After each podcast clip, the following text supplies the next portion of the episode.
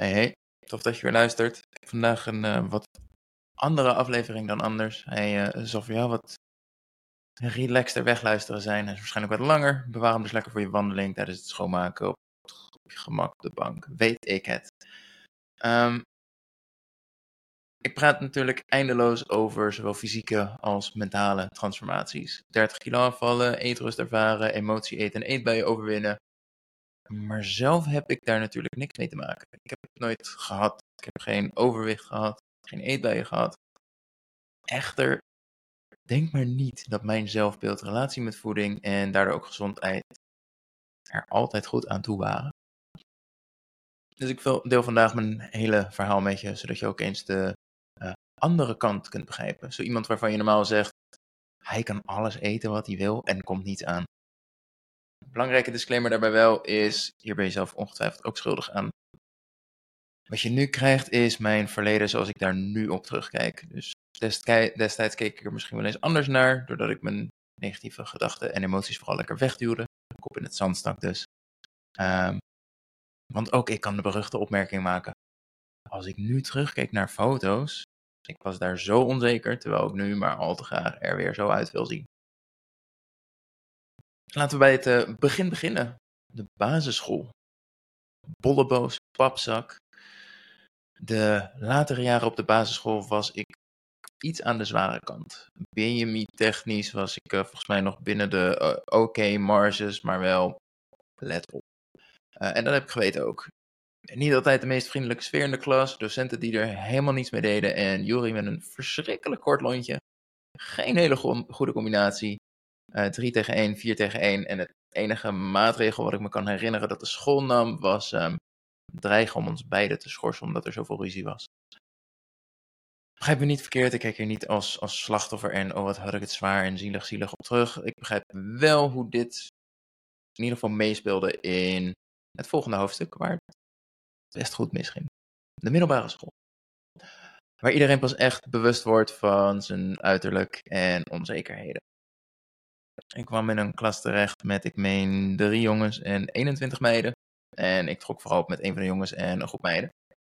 Waar hij in het tweede jaar naar een andere school vertrok vanwege cijfers die niet al te best waren. En ik dus met de groep meiden achterbleef. Ik hoef je denk ik niet te vertellen dat meiden rond de 13, 15 niet altijd het beste zelfbeeld hebben. En in staat zijn bizarre dingen te doen om dat te beïnvloeden. Deed jij al afpogingen, afvalpogingen rond die leeftijd, klasgenoten met fratsen als laxeermiddel of zichzelf uithongeren? Waarschijnlijk wel. En ondanks mijn eetpatroon ben ik in die jaren niet aangekomen of afgevallen. Wel groeide ik zo'n 20 centimeter. 20 centimeter groeien en niets aankomen bracht me van bovengemiddeld naar ondergewicht. En dat was het streven ook. Het was cool om te kunnen zeggen: kijk, met mijn lengte en gewicht zit ik tegen de grens van ernstig ondergewicht aan. Want slanker is beter. Klinkt bekend? Mijn eetpatroon was iets als een plak ontbijtkoek of een cracker als ontbijt. Um, in, in de korte of lange pauze naar de Albert Heijn. En dan werd er aan een chocola, snoepkoek, weet ik het, gehaald. Waar ik mm, in het begin iets meer aan meedeed, maar op den duur één blokje nam en, en dan was het ook prima. En vooral leven op de energy drink light en cola light. S'avonds thuis gewoon mee eten. En, um, en dat was wel een beetje mijn patroon. Maar dan wel na de voetbaltraining gerust een halve tot een hele liter melk wegdrinken. Geen probleem. En dit was niet mezelf bewust uithongeren of zo. Dit was mijn idee destijds van een normaal eetpatroon. Ik snapte alleen heel slecht waarom ik altijd zo moe was en nergens energie voor had. Een probleem wat destijds wel ontwikkelde was dat ik niet meer wilde slash durfde te eten rondom anderen en onbekenden. Dus zelfs al nam ik eten mee naar school, dan deed ik er ook helemaal niks mee. Dus brood wat onder in mijn tas lag en daar tot het eind van de dag lag. En Misschien dat ik thuis kwam en zo'n honger had dat ik het alsnog at. Of niet. Het was ook niet ongekend dat eind van de schoolweek drie uh, uh, plastic zakjes met boterhammen erin in het afval eindigden. Um, dit heeft tot ergens in mijn studententijd aangehouden en speelt nog steeds wel eens. Maar goed, derde jaar middelbare school, een hele belangrijke transitie. Ik kwam namelijk uit die voor mij verschrikkelijk ongezonde omgeving van meiden die zichzelf goed voelden over wat ze zichzelf aandeden en waar ik in meeging. Uh, ik kwam in een klas van 50-50 jongens, meisjes. En um, trok dus ook veel meer met jongens op die veel minder met uiterlijk bezig waren en een heel stuk normaler aten. En dat stimuleerde mij natuurlijk in de positieve zin. Het was niet in één keer klaar en opgelost, maar het werd in ieder geval niet meer negatief gestimuleerd. Dit was ook het jaar waar ik in aanraking kwam met de sportschool, krachttraining. Um, dat ging niet helemaal vanzelf. Ik liep namelijk tegen het probleem aan van nergens energie voor. Um, nou ja, dat vooral. Ik heb nergens energie voor. Dus hoe kan ik goed trainen? Nou ja, internet voor hulp. Uh, Pre-workouts, cafeïne. En ik heb daar. Um, ik zal toen 15 geweest zijn, 15, 16. Ik denk dat het tot mijn 223ste heeft geduurd. Um, totdat ik me besefte dat mijn cafeïnegebruik meer leek op cafeïnemisbruik. Um, uiteindelijk, en dat zal niet heel lang geduurd hebben, is het uitgebouwd tot uh, de dag beginnen met een, uh, een, cafeïne. Uh, nee, het zat gewoon in een capsule, dus cafeïnecapsule. qua sterkte om je een idee te geven, dat stond gelijk aan, afhankelijk van hoe sterk je hem drinkt, 3 à 5 koppen koffie. Dus gewoon alarm gaat, wakker worden, cafeïne erin, klaar wakker.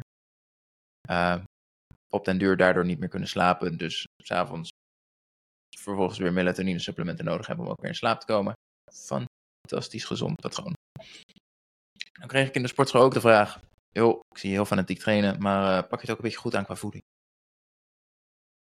Natuurlijk pak ik het goed aan qua voeding. Ik eet, uh, ik eet crackers met pindakaas en ik eet pinda's en um, Waarschijnlijk dacht ik dat eiwitshakes nog een beetje geheim en verboden waren. Dus, dus stiekem deed ik dat wel, maar misschien dat ik dat in de sportschool nog niet meldde.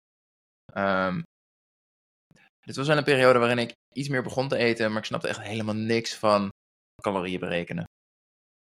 Dus um, pinda's hebben eiwitten, dus pinda's zijn goed. Eiwitshake is eiwitten. Eiwitten is waar alles om draait. Dus het zal wel goed zitten. Maar er kwamen ook absurde dingen van het internet um, bij. Zoals uh, om spiermassa aan te komen heb je calorieën nodig. En olijfolie is calorierijk en gezond. Het enige wat ik op den duur op school uh, at, was een shake van Brinta, eiwitpoeder, water en olijfolie. En uh, ook s'avonds gewoon een eetlepel olijfolie, kokhalzend naar binnen werken, want dat zou goed zijn. Um, wat voor consequenties had dit voor mijn gezondheid? Nou ja, energie was nul, zelfbeeld was nul. En um, om je een klein beetje, misschien too much information, maar erectieprobleem op je 16e, 17e en niet begrijpen waar dat vandaan komt. Zo slecht was het eraan toe. Het kwartje begon pas langzaam aan te vallen toen ik aan mijn studie begon, de HBO-opleiding Sportkunde.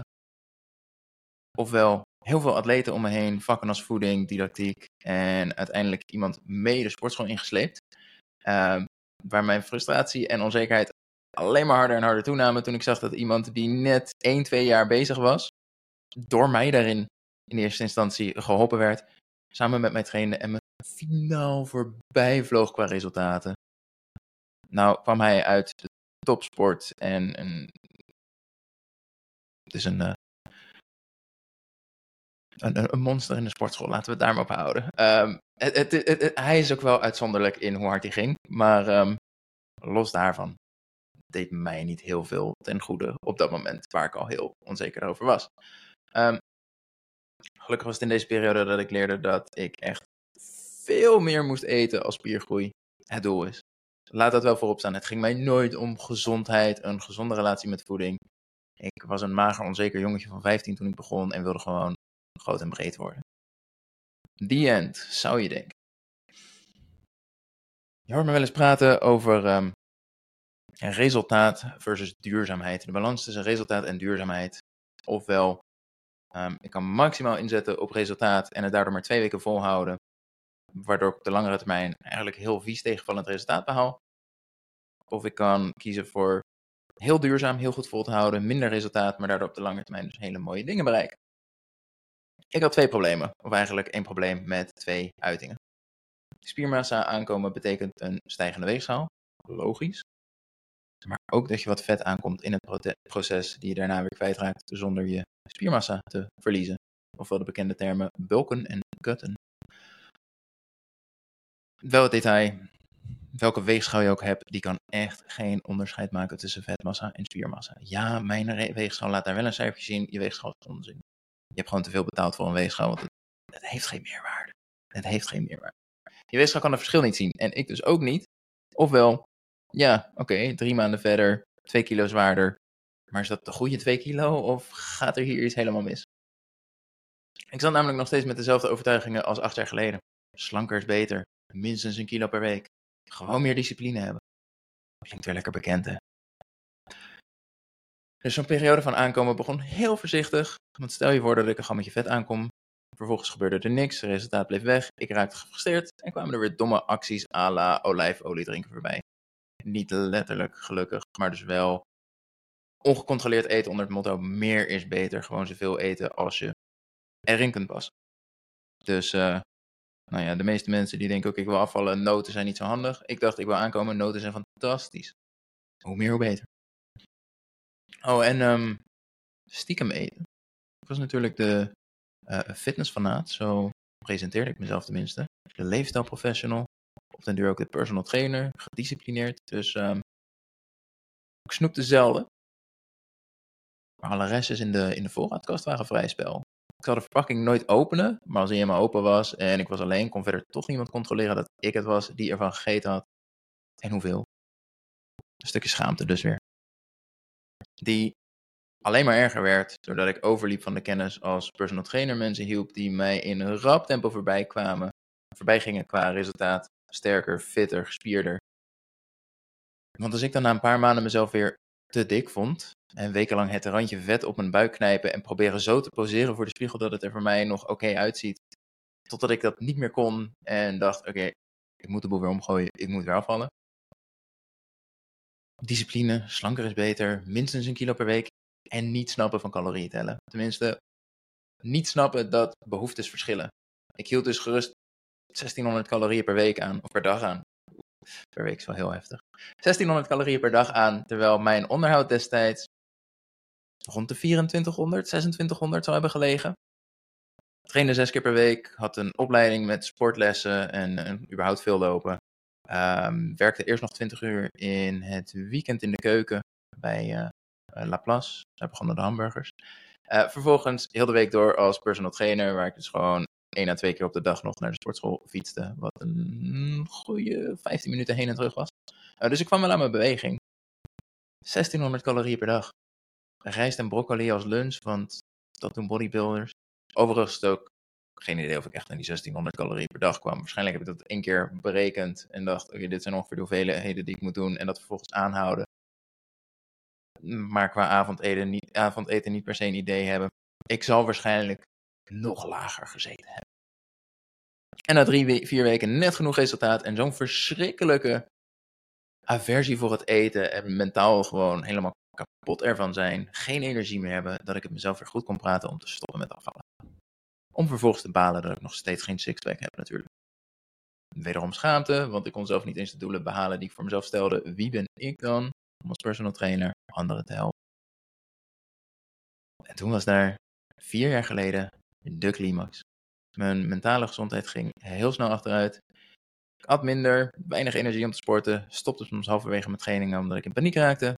Met uiteindelijk de doorverwijzing naar de psycholoog en diagnoses van gegeneraliseerde angststoornis, sociale angststoornis en depressie. Voordat ik hier verder ga, wil je me alsjeblieft een heel groot plezier doen en je abonneren op de podcast als je dat nog niet hebt gedaan. 80% van alle luisteraars is geabonneerd, 20% loopt dus een nieuwe aflevering mis. En dat is zonde. Anyway. Als klap op de vuurpijl. Lockdown na lockdown waarin ik niet kon trainen. Een van de manieren waarin ik mijn mentale gezondheid nog een beetje onder controle kon houden. Vervolgens een emigratie naar de Filipijnen met, zodra we aankwamen, jawel, ook een lockdown. Ontzettend zoekende naar een nieuw eetpatroon hier, nu ik geen zuivel meer had, geen brood meer had, uh, pindakaas, weet ik het, alles waar ik normaal mijn calorieën makkelijk mee kon verhogen, uh, was weg. Had ik niet meer. En heel eerlijk, met, met rijst en kip en groenten, en dat is wel een beetje de standaard hier. Ik zit ergens rond de 2800 calorieën per dag. Dat gaat je niet lukken. Dus in die vier jaar tijd verloor ik zo'n 8 à 10 kilo spiermassa. Dat is uh, alles waar ik sinds mijn vijftiende voor gewerkt had. Waar ik nu ondertussen anderhalf jaar alweer voor bezig ben om terug te winnen. En zoals het eruit ziet, gaat me dat nog zo'n zes maanden duren. Heel slow en steady, 0,2 kilo per week aankomen. Zie je vaak niet eens op de weegschaal. Ik bedoel, laten we eerlijk zijn, 0,2. Je kan een gunstige schommeling hebben, je kan een ongunstige schommeling hebben. Ik heb drie, vier weken nodig voordat ik echt met zekerheid kan zeggen, ah, deze maand is die weer de goede kant op gegaan. Ofwel, heel veel frustraties en emoties negeren, ongemak en oh, doe ik het wel goed, moet ik meer eten, moet ik minder eten. Dit is het plan, plan is goed, volg het plan.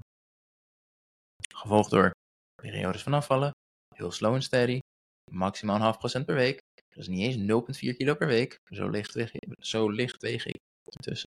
Oeps. Um, maar ondertussen eet ik gewoon in het openbaar met vreemden om me heen, op verjaardagen, restaurants. Allemaal prima. Ik hoef niet meer stiekem te eten. Een uh, KitKat zat standaard in mijn eetplan tijdens het afvallen ergens begin dit jaar januari. Uh, om het gewoon een beetje leuk te houden. En, uh, en ook nu tijdens het aankomen heb ik er vrede mee dat er ongezonde producten nodig zijn om dag na dag na dag aan dit calorieëndoel te komen. Met alleen voedzame producten lukt het je simpelweg niet om consistent zoveel te eten. Ondertussen is het namelijk alweer zes maanden dat ik op dit ongemakkelijk hoge calorieënaantal zit. Zonder eetbuien, emotie eten, uitschieters, etc. Want dat doen we spiermassa aankomen, niet aankomen. Weet dat aankomen heel makkelijk kan zijn. Daarom ook dat ik het afvallen nu zo rustig aanpakken. Doe is vet verliezen, niet gewicht verliezen. Dus 1 kilo per week als minimum is compleet tegenstrijdig met mijn doelen. En dus de spiermassa waar ik zo hard voor werk, zou ik dan ook gelijk weer kwijtraken. Ik kan waarschijnlijk nog een hele podcast vullen over dit onderwerp, maar uh, ik wil hem voor nu hier afronden. Ken jij iemand die worstelt met zelfbeeld, aankomen of afvallen? Help ze op weg door deze podcast door te sturen. Super bedankt voor het luisteren en uh, tot de volgende weer. Hoi.